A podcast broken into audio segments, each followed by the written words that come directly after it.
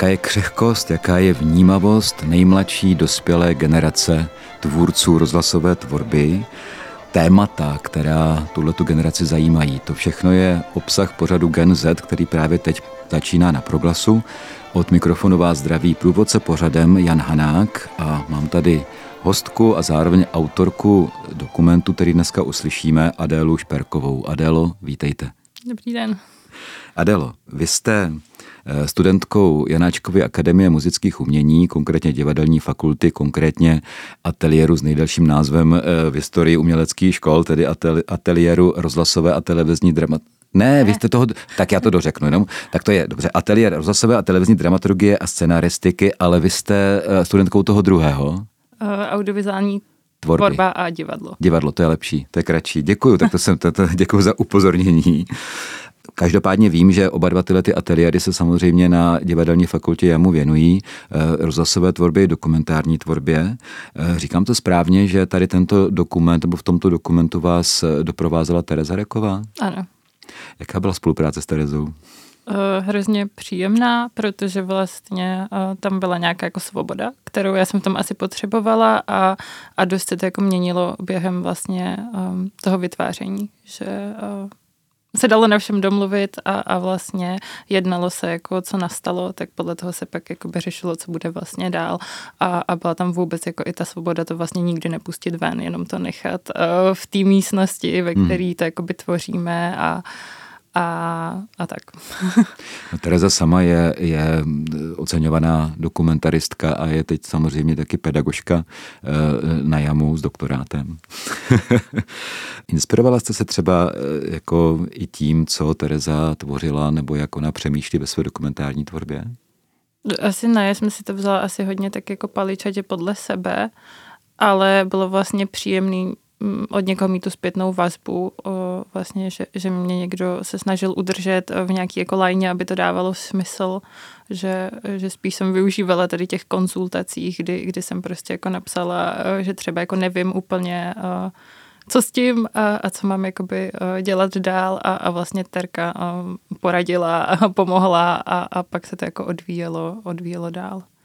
Jaký máte pocit z toho, když jste říkala, že jste si říkali s Terezou, že to zaznívá tady v té místnosti někde na jamu a, a dál třeba ne? Jaký máte pocit z toho, že to teď půjde ven?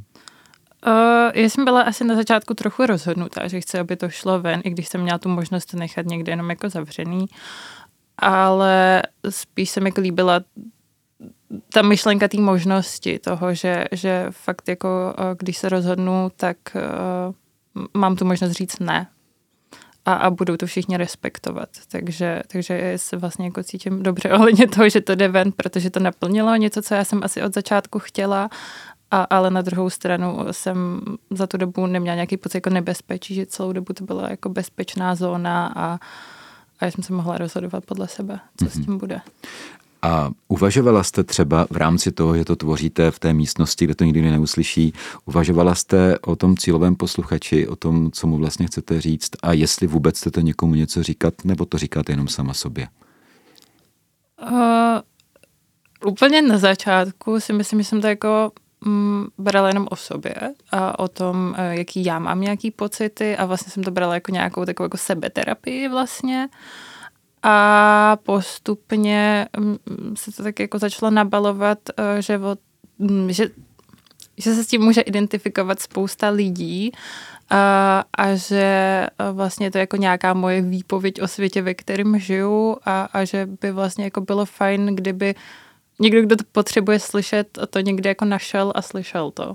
Mm-hmm. Že jako by to asi funguje jako obecně i, i ve filmu a nebo ve fotce, že to člověk jako dělá pro ty lidi, kteří si to najdou a obzvlášť, když jsou to nějaké jako citlivý témata, tak, eh, tak vlastně to tam tak postupně pak jako mm, se vytvořilo ta, ta mm-hmm. myšlenka toho, že, že vlastně by bylo fajn, kdyby to našel někdo, komu to může nějak jako pomoct, nebo třeba jenom jako popsat nějaký pocit, nebo, nebo mu to řekne, že v tom není sám. Mm-hmm. Ke mně se ten váš snímek dostal pod názvem Autoportrét. Je to název? Uh, jo, nebo je to taky, vlastně jako nemám pořádně název, takže jsem to nazvala autoportrét, protože mi to přišlo asi nejvíc vystěhující. Mm-hmm. Mně přijde docela zajímavé vlastně na tom, že někdo by si řekl, mohl říct, autoportrét i třeba ve výtvarné tvorbě, tak to je to je co, jako že se autor chce ukázat světu, Možná dá se v tom číst ale něco jiného, taky dá se v tom číst i to, že skrze ten autorský autoportrét eh, se mohu dívat na vlastní autoportrét, jakoby. Jo, jakože to vlastně sděluje něco, něco o mně, který se dívám nebo poslouchám. Eh, vnímáte to tak, nebo respektive třeba máte nějakou zpětnou vazbu od někoho, kdo to možná slyšel z vašich kolegů? Uh, já jsem na to dostala spoustu zpětných vazby, protože jsem měla taky období, kdy jsem takhle rozesílala těm lidem, že mě jako zajímaly vlastně ty názory. A, a vlastně jako ta zpětná vazba byla vlastně jako vždycky jako pozitivní a vlastně tam vždycky jako vznikaly takový různý jako diskuze právě nad tím, že se tam jako dotýkám nějakého důležitého tématu, že s tím nějak jako pracuji a, a že jsem třeba jako nepřemýšlela, že, že bych se tomu věnovala dál, protože eh, to rozhodně nebyla moje nějaká ambice eh, věnovat se nějak více rozhlasu, a, ale uh, tak nějak to tak jako vyplynulo z těch diskuzí, že, že možná uh, bych na to neměla úplně zanevřít, i když ten předmět už jakoby nemám. Vaše ambice je vlastně jaká? K jakému druhu umění se věnujete nebo chcete věnovat? Mm, já bych chtěla točit dokumenty nebo dělat nějakou dokumentární fotografii. Film, já jsem, filmové dokumenty předpokládám. Jo, jo. jo, jo. Já si myslím, že, že to hodně se jako právě jako prolíná a, a vlastně mi do toho zapadá i ten rozhlasový dokument, že, že dokument uh, obecně je taková jako škála spíš, než hmm. že by si člověk řekl, že to je jenom jako jedno médium, ale uh, vlastně každý téma potřebuje mít uh, něco jiného. Hmm. Některý líp jako vystihnete nějakou fotkou a některým je lepší jenom mluvit. Uh, a, a o některým je dobrý to dát jako do té audiovize a udělat z toho nějaký snímek a, a promítnout to, že, že fakt záleží na těch určitých věcech. O něčem je dobré taky mlčet. no ale ano, jako myslím si, že zrovna mlčení je něco, co v té zvukové auditivní tvorbě vlastně docela funguje, víc rozhodně než té audiovizuální tvorbě bych řekl. Tedy mlčení ne, že tam máme digitální ticho, ale že to je nějaký druh snímku, který eh, je tak sklidňující, že v podstatě není to postavené na tom, že se dozvím nějaká data, nějaké informace, nějaká slova, nějaké velké příběhy, ale že to je prostor, který mi autor vytvoří, abych byl třeba i sám se sebou. Ne?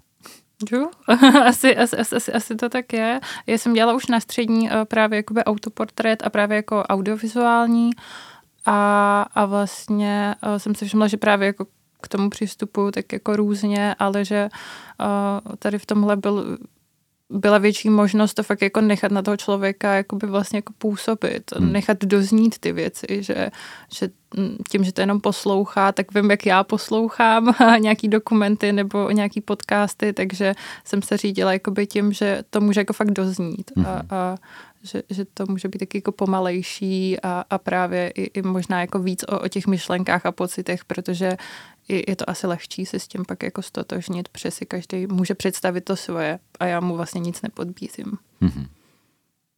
Kdybyste teď eh, uvedla ten svůj snímek, je krátký, je, má něco přes 6 minut, eh, tak eh, kdybyste ho uvedla, aniž byste prozradila, kudy se povinné a tak podobně, to, to nám má říct sám potom, tak jak byste ho uvedla? Že je to o nějakém mým místě v životě a ve společnosti, ve které žijem. Adéla Šperková, autoportrét.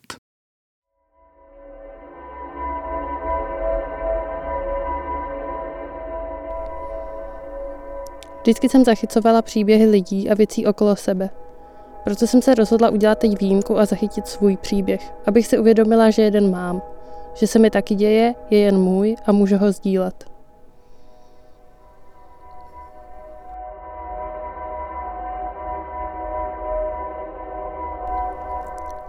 Přicházím do světa, ve kterém lidé stáli na měsíci, ale který také zažil Černobyl. Do země, která je už, anebo teprve, 11 let svobodnou a předtím v ní byl jiný režim a cenzura. Přicházím do světa v moment, kdy je ještě prezidentem Václav Havel a pravda a láska má vítězit nad lží a nenávistí. Ale taky do světa, který před rokem zasáhla střelba v Columbine. Přicházím do generace, která má být šťastná a svobodná, do nového milénia. Přicházím do světa, který poté zasáhne 11. září, záplavy v Thajsku a taky v Praze, kdy celá zoo skončí pod vodou. Do světa, který sleduje průběh výbuchu ve Fukushimě, kde se lidé bojí konce světa podle majského kalendáře, kdy se uskuteční masakr na Utoje a do světa, který se pak úplně zastaví kvůli celosvětové pandemii. Do světa, kde vypukne válka v zemi nedaleko od té mé.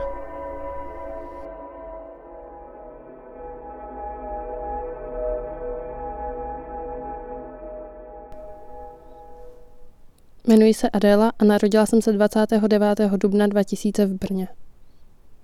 Mám titul nejen prvorozené dcery, ale také vnučky.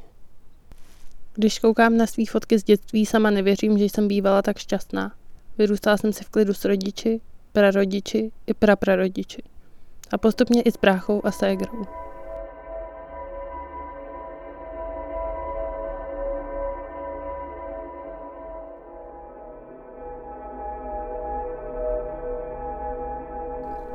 Pamatuju si, jak mi moje třídní učitelka na základce řekla, že nikdy nebudu mít kamarády, že jsem takový typ, že se mám snažit zapadat.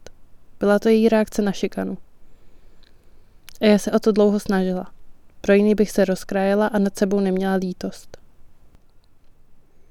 Střední byla plná objevů, prvních přátelství a přicházení na to, že je to možná všechno jinak, než mi kdysi učitelka řekla. Byly to roky plné smíchu i slz, podpory i odcizení. Čtyři roky lásky k filmu, sledování všeho, od Meliese po Noého, od klasik po underground a experimenty. Slyšela jsem nějaký citát z internetu, že když oslavíte 18. narozeniny, přestanete bojovat s mámou, protože chápete, že prošla svou cestou. Podobnou, jako je ta vaše. A přesně tohle se v té době stalo mně a mé mámě.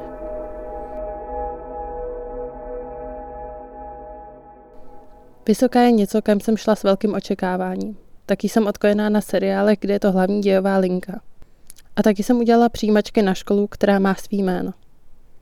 Stěhuju se, hledám svý lidi i sebe, zapadám a taky vůbec ne. Přichází pandemie a svět se rozpadá stejně jako studium. První lásky i pusy, první párty i odmítnutí, první volání o pomoc mámě, že zlomený srdce fakt hrozně bolí. Vycházíme první článek, první honorář, který jsem si vypsala. Slova jsou můj nástroj, kterým funguji ve světě.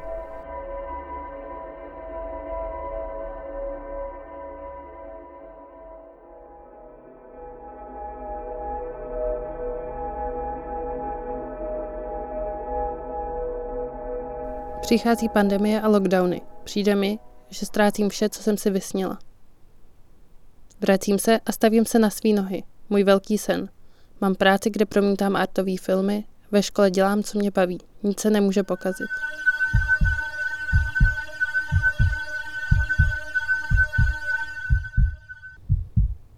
Děje se něco, nad čím nemám kontrolu. Někdo bere můj bezpečný prostor, mě, a bere si i moje tělo a moji lásku k sobě. Prostě se rozhodl. Možná sám nevěděl. Ale to nic nemění na tom, že mě to uvrhá vstříc volnému pádu. Nakonec utíkám. Od tam, od toho všeho. Od toho, kde jsem já přestala mít sebe, kde si někdo kus mě bez dovolení vzal a kde mě nikdo neslyšel. Se slzami v očích se občas prohlížím, co vše jsem měla. Přemýšlím, co jsem mohla udělat jinak. Dnes už vím, že pravděpodobně nic. Ale myšlenky jsou silnější. Nepít víno, nesmát se, nebavit se, odejít. Možná stačila jedna věc, která by mě ochránila. Jedna věc, která by někomu jinému překazila jeho plány. Zpětně se toho dá udělat tolik, ale v tu chvíli je to nesmysl. V tu chvíli se člověk dostane do víru věcí, aniž by sám chtěl. Občas chci křičet na celý svět, chci vyčíst nebe a světu vše, co se děje a co se mi stalo. Ale vím, že už s tím nic nezmůžu. Vím, že je to kapitola, která se uzavřela, ale já ji pořád otevírám, protože mám strach. Strach z toho, co bude dál. Vracím se domů a nevím, co dál. Pracuju, tvořím nová přátelství, po nějaké době zase začínám cítit zamilovanost, ale vše to prožívám s hořkou pachutí. Nerozumím, ale hrozně chci stát na nohou a přijít na to, jak to vše funguje. Postupně začínám být zase šťastnou, po více roce zase píšu, mám kamarády, pocity zamilovanosti i zlomený srdce. Vidím smysl. Po hrozně dlouhé době ho vidím a chci jít k němu vstříc, protože když to tady není o tom, tak pak o čem? Tak to byl autoportrét Adély Šperkové v pořadu Gen Z na Proglasu. Adéla tedy s námi samozřejmě i nadále je. Ještě jednou Adélo, vítejte. Dobrý den. A e, od mikrofonu ten, který se ptá, a doufám, že se bude ptát trošku moudře, je Jan Hanák a jsem tady taky samozřejmě stále. Adelo, vy jste to říkala i trošku e, předtím, než jsme tento dokument e, uvedli a já jsem si to dokonce i zaznamenal mnohem dřív, že se na vás na to hnedka potom zeptám, protože vy tím i končíte, jako o čem vlastně je smysl života, o čem je smysl bytí, s touto jakousi otázkou, eh, to jsou, tím dovršujete vlastně to svoje dílo. Přišla jste na to během té tvorby? To je takové, že to se jako proměňuje, takže uh, jsem měla pocit, že jsem možná jako na něco přišla a ono už se to zase jako změnilo, protože jsem to vlastně nahrávala před pěti měsíci, takže hmm. od té doby se stala zase spousta jiných věcí, které uh, to zase ovlivnily, ale si myslím, že jako smysl jakého života a bytí je vlastně jako v tom cítit se dobře a mm, naučit se přijímat to, co se děje okolo a, a vlastně se z toho nějak jako poučit a brát to v potaz jako nějakou svou historii a, a pořád, aby člověku bylo dobře, i když se tyhle věci jako dějí a má tohle v sobě, tak uh, aby, mě, aby byl šťastný, aby cítil štěstí. To je moc hezky, jste to řekla. Mě to už napadalo během té vaší odpovědi. Já jsem, nevím, před nějakými deseti, možná i víc lety točil takovou věc dokumentární a mimo jiné jedna, nebo byly tam dvě respondentky, které byly tehdy studentky střední eh, umělecké školy a oni právě řekli, nebo jedna z nich řekla, no já bych chtěla být v životě šťastná. A pak se úplně zjevně lekla toho, eh, toho, že to je tak velké. Řekla, no aspoň jakž tak spokojená. A já jsem říkal, a není to náhodou trochu jako nuda, ještě, ještě jako tvým věku e, mít tu vizi, že budu jenom jakž tak spokojená. Neměl by člověk jako toužit potom být šťastný a prostě věřit tomu, že to je možné dosáhnout, aby se to vlastně řekla. Je to tak? Jo. Věříte štěstí? Věříte štěstí? Já věřím štěstí a myslím si, že, že ho prožívám jako čím dál tím častěji, protože na tom i, i jako pracuju a i s odborníky, takže mám pocit, že to štěstí se ke mně dostává jako čím dál tím víc a že to je vlastně jako něco příjemného, ale na druhou stranu je to pomíjivý. Jako štěstí je pomíjivý a, a z toho může právě asi plynout i ten strach z toho hmm. štěstí, hmm. že, že je to taková věc, eh, která není ani dobrá, ani špatná, ale je to takový, jako ono přijde a vy ho prožíváte a ono jako skončí a přijde nový, ale, ale je tam ten konec a, a lidi se často bojí konců, takže eh, možná ten strach pak a být jakž tak spokojený je o tom, že, hmm. že vlastně člověk má strach z toho, že když to štěstí jednou bude mít, tak bude hrozně těžký mu vlastně říct jako nazdar a, a počkat si na něco jiného, co mu ten pocit štěstí dá. Ona ta konečnost ale e, jako může být i velmi dobrá, protože nejenom ten pocit toho štěstí má svůj konec logicky, ale i ta bolest má svůj konec. Takže, takže když člověk prožívá nějakou bolest, nějaké zranění, řekněme, tak e, díky tomu mohl taky uvěřit tomu, že to nebude věčně. Mm, je, je tohle hrozně, uh, nemám rád. Nebo mám pocit, že uh, se s tím setkám od lidí už hrozně dlouho, že vlastně jako vždycky musí přijít něco dobrýho. A když jako člověk hrozně dlouho prožívá nějakou bolest nebo nějaký nepříjemný pocity, tak uh, mu přijde, že nebo mně přijde, že to působí trošku, jak kdyby byl jako shazovaný. To, hmm. to, to, že už jako člověk ztrácí nějakou víru v to štěstí, přitom on se, on se jí jako furt drží někde uvnitř sebe, protože uh, aby jsme jinak asi nemohli ani, jako ani existovat a neměli bychom motivaci vlastně na sobě pracovat, ale že občas jako mm, ty, ty prodlevy můžou být fakt jakoby dlouhý a to může být jako náročný, hmm. takže no. Myslíte si, že člověk i v nějakém bolavém období vlastně může být nějakým způsobem šťastný?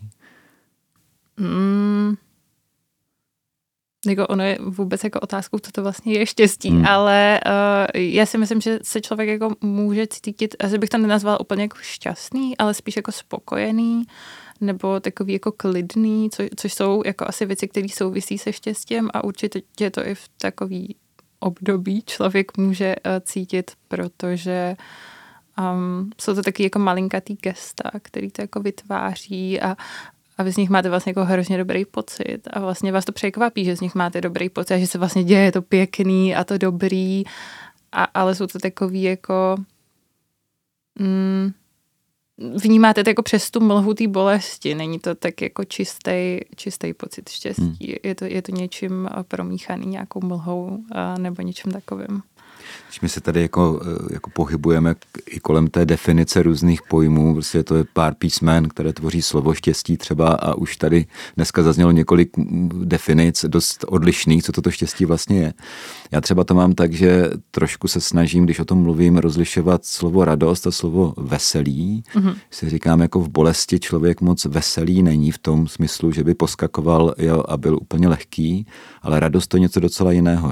Radost člověk může vlastně zažívat, i když ho něco moc bolí. A mám pocit, že je to vždycky v situaci, kdy se mi podaří z té bolesti překročit jenom sebe sama, že se mot, když se motám sám v sobě eh, a furt vlastně bolestínsky, jako co se mi to děje, no tak jsem v té temnotě jenom hloubě jak v bažině.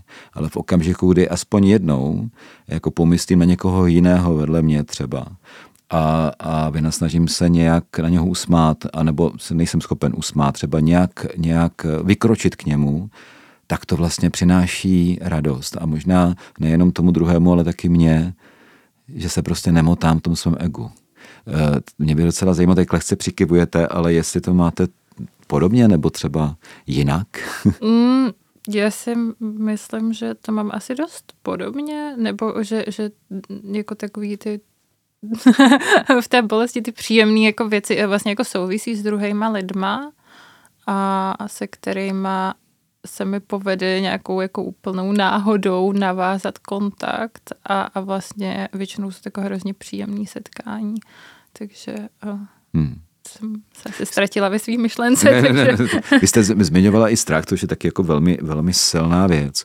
Eh, strach, který jako člověk může mít i třeba v té bolesti, kdy, že, že třeba se z toho nikdy nevymotá ale on člověk může mít i strach, vlastně i když zažívá nějaké to veselé období, to, to pocitově šťastné, že to skončí, že vlastně si to uspíšuje, tím si říká, ono to určitě skončí. Nevím, jestli úplně jako eh, to tím uspěchává. To je spíš potom je taká jako, je důležité na to jako myslet, že ono to jako skončí, protože uh, není dobrý to jako přivolávat vyloženě, uh, že jakoby se snažíte jako tlumit tu emoci, ale na druhou stranu myslet na to, že to skončí je podle mě dobře, protože to pak tolik nebolí. Není to tak jako silný náraz, že, um, že pak jako naraz fakt spadnete zase někam a, a nevíte proč. Je, je dobrý se asi si jako v hlavě pořád opakovat, že mm, vlastně jako žádný tyhle věci nejsou jako na pořád, že, že asi z nich jako ta cesta ven je, jen to může trvat a, a že se tak střídá. Jste říkala, že už je to nějaký čas, kdy jste točila tady ten autoportrét, který jsme dneska slyšeli, a e, minimálně v otázkách po smyslu života a bytí se posouváte dál. E, máte pocit, že e, třeba někdy dosáhnete okamžiku, kdy si řeknete, tak teď už to která konečně vím a už je to dokonalé poznání a jsem nějaké nirváně a, a pak už toho bude jenom žít? Nebo je to třeba proces, který neskončí nikdy? Jo, já si myslím, že to je proces a, a že to asi trochu i souvisí jako s tím mým oborem nebo obecně s nějakýma uměleckýma, kreativníma uh, oborama, že uh, se vlastně jako neustále pohybujeme v procesu a nic nejde jen tak jako uzavřít a vlastně tím, že tady v těch věcech do toho dáváte sebe, tak vlastně se pořád jako posouváte a pořád někam jdete. I kdybyste jako hrozně nechtěl, tak už jenom jako to, že jste někde na place a fotíte tam fotky, už vás někam zase jako posouvá úplně jinam. Takže si myslím, že jako to je celý proces. a, a je dobrý na to myslet, že to je proces jste teďka mluvila i o těch fotkách, u těch fotek je to samozřejmě jako takové přímočařejší, že teda e, portrétujete nejenom sebe a to ať teď na jamu nebo dřív, dřív na střední škole, ale portrétujete taky druhé a nemyslím tím asi jenom lidi, když vaše fotky neznám, rád je poznám, ale předpokládám, že můžete portrétovat taky nějaké situace, nějaké, nějaká místa třeba. E, jak o nich přemýšlíte? Jako načítáte z těch portrétů těch míst a druhých lidí něco, co inspiruje vás konkrétně osobně při tom focení? Já hodně fotím uh, místa, který znám a měla jsem vlastně i, i výstavu, kde jsem ty fotky měla a vlastně tam jsem měla fotky ještě jakoby z analogu, což pro mě bylo ještě o to vlastně taky komplikovanější se naučit uh, pracovat s tím analogem. A pro mě to o tom hledání toho, co jako na první pohled vlastně jako nevidíte. Jakože bydlím 20 let na nějaký vesnici, jsou to místa, kterými jsem prošla třeba tisíckrát, bych se nebála říct. A stejně jsou tam věci, kterých si vlastně normálně nevšimnu, nevnímám je, ale na té fotce nějak jako můžou vyznít a můžou hlavně jako doznít a zanechat nějakou emoci, že tam třeba jako dopadá v určitý moment slunce, něco vám jako osvítí a naraz to působí úplně jako jste někde v kouzelném lese a, a, a je to příjemný, že, že mě baví jako hledat vlastně jako v té každodennosti, ve které jako já žiju a něco, co není úplně jako zřejmý na první pohled. Nebo to sama přehlížím třeba. Hmm.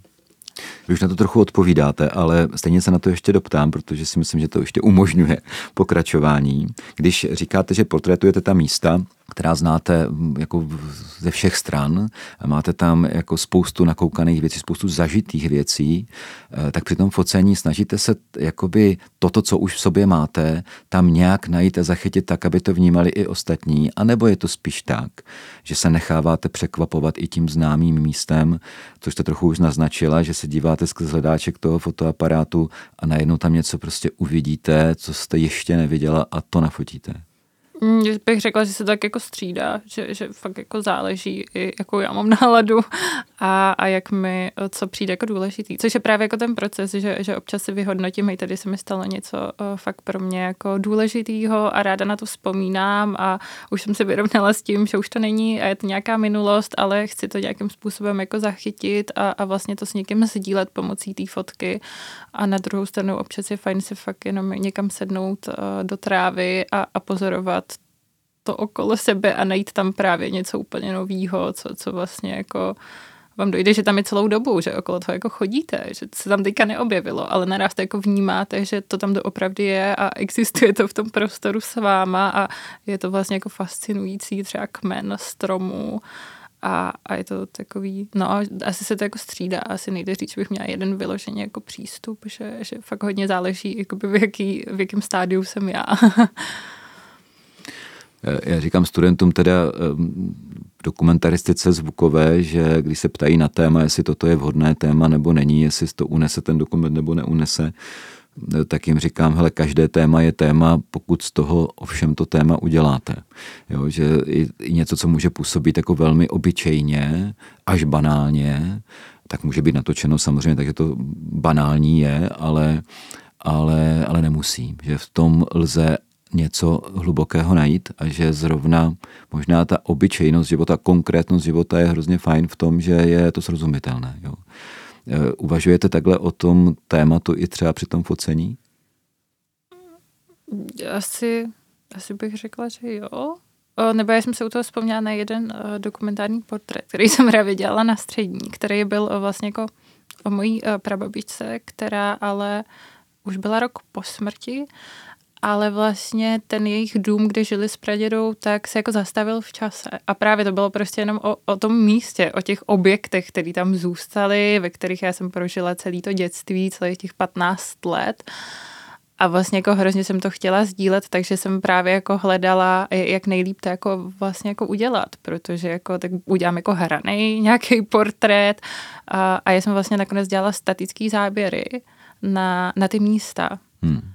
A, a vlastně to tenkrát jako mělo docela úspěch, takže si myslím, že, že je jako důležitý no, přemýšlet nad těma tématama jak je vlastně jako zpracovat, jak je předávat a že i ty obyčejný jsou vlastně občas hrozně silný, protože tak jako prababičku má spousta lidí, já jsem teďka chtěla říct, že všichni, ale vím, že, že jsem jako jedna z mála, která vlastně měla tu možnost vyrůstat fakt jako až do puberty s praprarodiči. rodiči ale eh, je, je to taky jako banální téma vlastně, jako chcete vystihnout něčí život a je to starší člen rodiny, je to taky, co se často objevuje, je to zpracovaný spoustou jako způsobů a, a hledat jakoby něco, co to právě jakoby povzne se trošku výš, a aby z toho bylo to velký téma, aby z toho bylo nějaký vyznění je jako náročný, ale vlastně když na to člověk přijde, tak je to hrozně příjemný a je to fakt zakonzervovaný to téma, který se prostě povedlo vystihnout a něco to říká.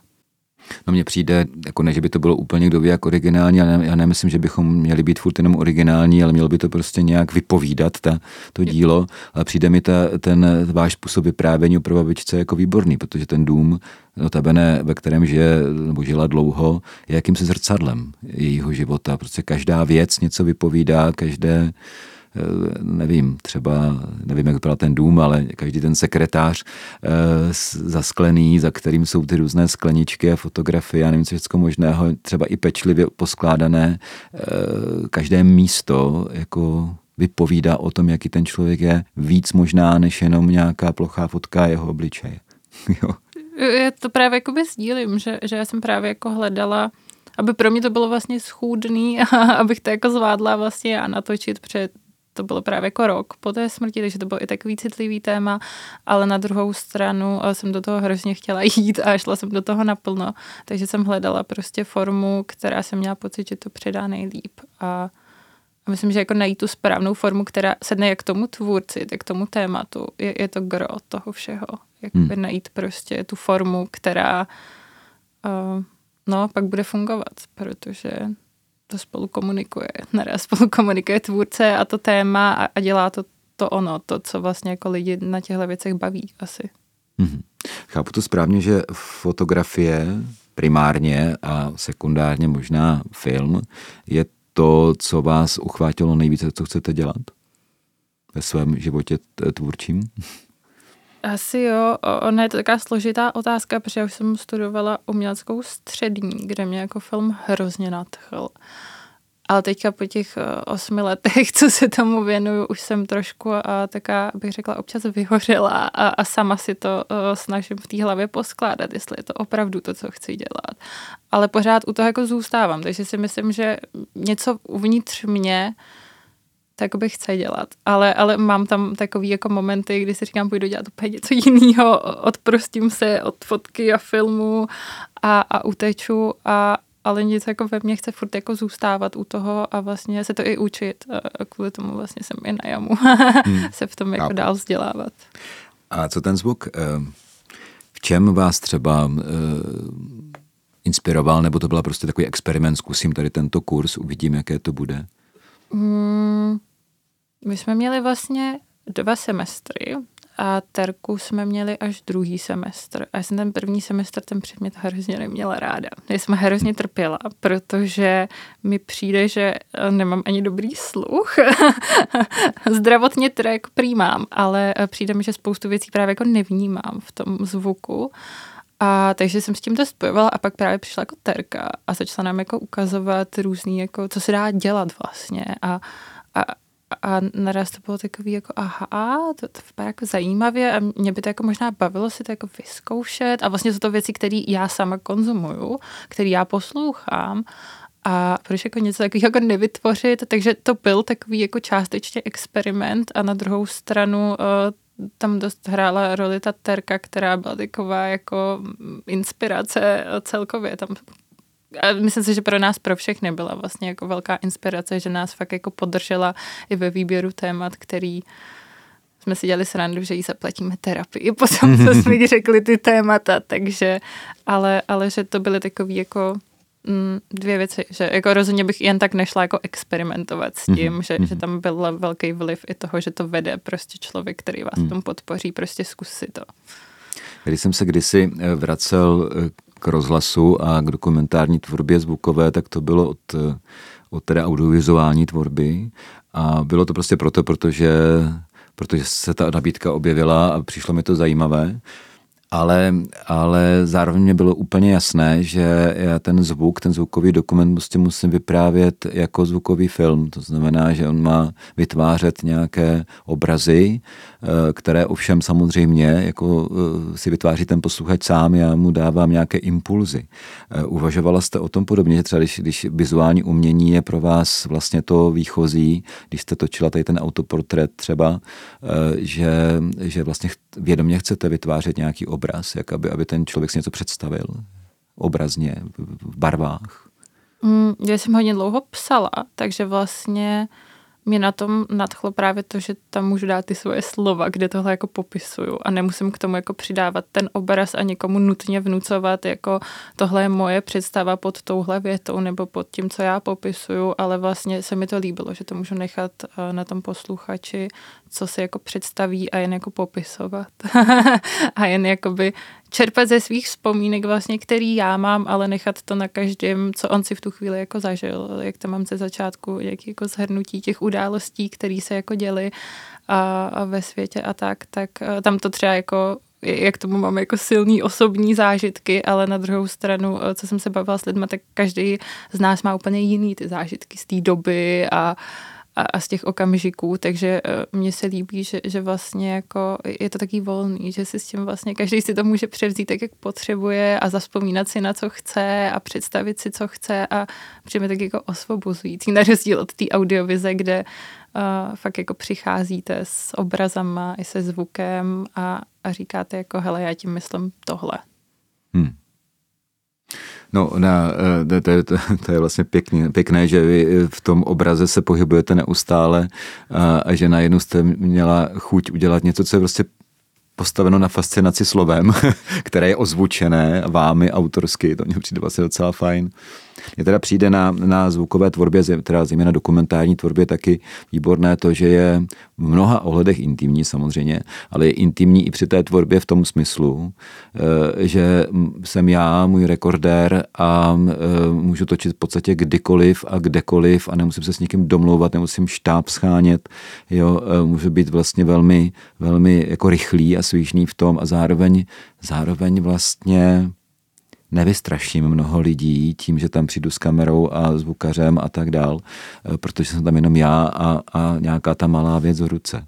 Eh, ale to se spíš týká jako tvorby, když jdete za ostatními lidmi, když jdete do těch situací, to je jasný. No. Nemáte takovou chuť tohle to udělat třeba? Někdy trošku vlastně použít to, čemu se říká reportážní metoda při tvorbě dokumentu? Jít prostě do těch situací a něco natočit mezi lidi.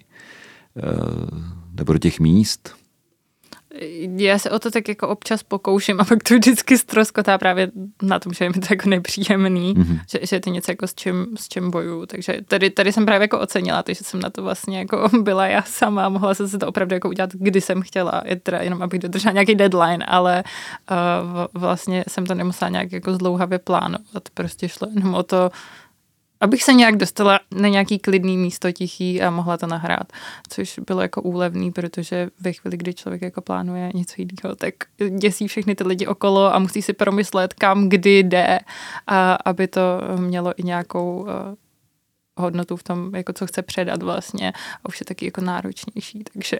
Hmm. Držíte se raději ve své tvorbě jako svého prostoru a trochu se obáváte lidí? Mm, asi jo. Nebo uh, je se postupně jako učím nebát na jamu. Uh, a myslím si, že mi to jde čím dál tím líp, ale ještě pořád na, jako na čem pracovat. že uh, uh, už mi třeba nedělá problém fotit v divadle. Mm-hmm. A, ale jako zatím mít někam jako uh, do terénu natáčet je pořád pro mě takový uh, něco, neřekla bych úplně jako nějaký strašák, ale uh, uh, potřebuji na to hodně odvahy. Máte nějaký uh, projekt, který vás teď jako hodně hodně jako drží, říkáte si prostě, nebo téma třeba, který považuji za důležité, které je potřeba nějak sdělit i sobě, i druhým? Mm, jo, já jsem vlastně jako v létě uh, právě s Terkou, nebo poprosila jsem jí, aby právě mi s tím pomohla, uh, tak jsem se sešla a vlastně jsem byla, že bych si chtěla udělat znova nějaký rozhlasový dokument a mm-hmm. chtěla bych ho věnovat vlastně um, duševnímu zdraví, respektive nějakému stavu uh, té psychologie a psychiatrie v Česku, protože jsem uh, v těch měsících jako narážela na to, že uh, je hrozně hezká ta teorie, že eh, máme dostupnou zdravotní péči a, a vlastně se říká, jako, že je vlastně hrozně kvalitní, ale ve finále se k ní dostat nebo tu kvalitní péči najít je, je hrozně složitý a nikdo na to jakoby nechci říct jako nemyslí, ale že si to jako neuvědomujeme, že ve chvíli, kdy ten člověk fakt ty problémy má a potřebuje je řešit, tak se naraz dostanete do čekací doby 6 měsíců a hmm. to může být jako by fakt až jako to může mít fatální vlastně jako důsledky hmm. čekat 6 měsíců, takže a já bych se chtěla jako pokusit nějak jako zmapovat tady tohle, proč se to děje, jestli existují nějaké jiné cesty, jak si třeba jako lidi můžou pomoct v ten moment, kdy to jako potřebují a, a hlavně nějak jako upozornit na to, že v teorii to sice jako funguje a mluvíme o tom pořád a vychází články a rozhovory, ale v té praxi jako hmm. se vám chce spíš plakat. hmm. Tak to je ale všem eh, docela skok, vzhledem tomu, že tady docela dlouho bavíme o tom, že jste ve svých tématech a radši jako spíš sama eh, s fotoaparátem nebo třeba s rekordérem a, a najednou tady popisujete závažné téma, to ano, ale které působí, že to bude investigativa, téměř žurnalistická, že prostě fakt budete nejenom mezi lidi, ale do těch kaus jako na ostro. Eh, já jsem chtěla být vždycky novinářka, nebo když jsem byla malá, tak jsem jako uh, měla vysněný, že budu novinářka, takže uh, vlastně mám pocit, že tak jako na tom splním ten dětský sen, hmm. uh, protože vždycky jako zajímala investigativní novinařina nebo in, investigativní vlastně jako dokumentaristika. A uh, No, já mám pocit, jako, že o tom nedokážu mlčet. Že tady je fakt jako ten pohon, to, že o tom už nemůžeme mlčet a že mám jako nějakou možnost s tím něco udělat a chci využít jako svý nějaký jako možnosti a prostředky k tomu, aby se o tom mluvilo, aby něco takového vzniklo.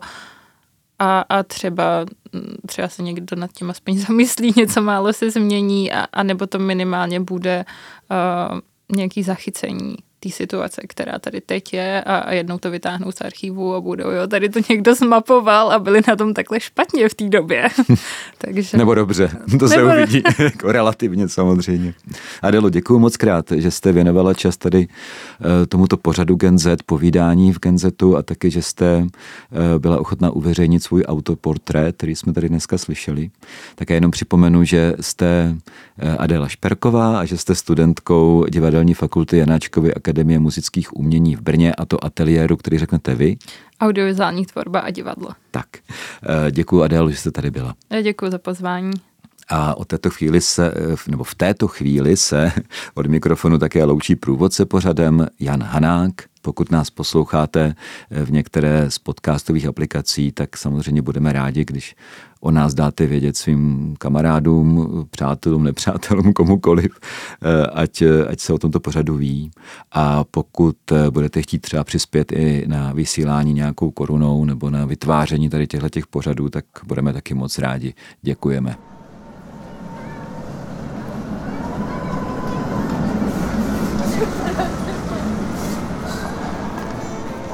Je to marketingový tah? Je. Generace Z. Ale přesto. Generace nejmladších dospělých bez pochyby není jednolitá, přesto je tou, která začíná utvářet náš svět, ať se to někomu líbí či ne. Týdeník Gen Z přináší jejich pohled s jejich vnímavostí, citlivostí a snad i křehkostí. Studentský dokument či reportáž a debata s tvůrci. To je Gen Z. V pondělí v 10 večer ve čtvrtek po páté a samozřejmě na webu a v podcastových aplikacích. Nesouhlasíte? Nemusíte. Jen poslouchejte. Ať víte.